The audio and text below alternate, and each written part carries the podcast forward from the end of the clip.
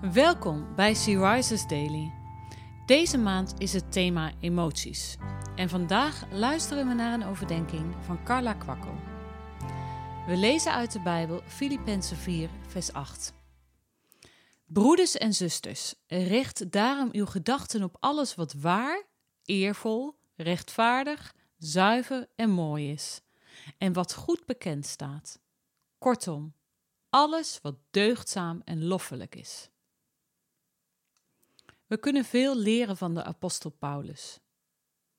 In dit hoofdstuk vermaant hij onder andere twee vrouwen uit de gemeente in Filippi om het samen eens te worden.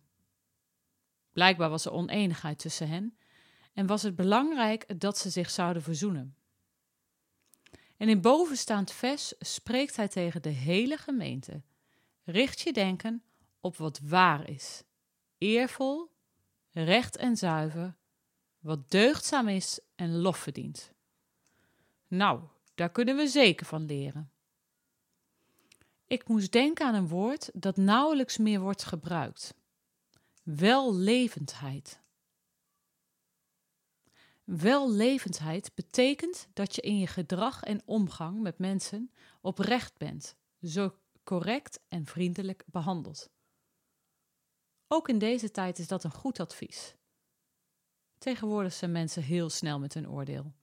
Vooral op sociale media worden soms verschrikkelijke uitspraken gedaan over mensen. In onze Nederlandse cultuur is het iets positiefs om assertief te zijn en direct te zeggen wat je denkt. Maar misschien is het beter om eerst te denken voor we iets zeggen. Herken je dit? Dat je soms iets zegt voordat je nadenkt? En herken je het ook online?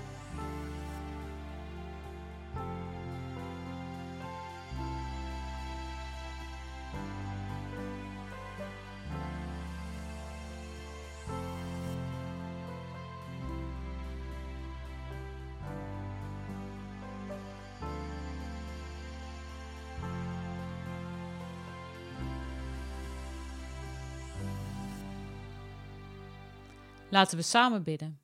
Heer, mogen mijn woorden leven brengen in plaats van mensen verwonden, zoals u redding bracht overal waar u kwam.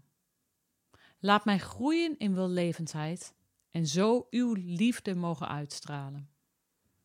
Amen. Je luisterde naar een podcast van Sea Rises. Sea Rises is een platform dat vrouwen wil bemoedigen en inspireren in hun relatie met God.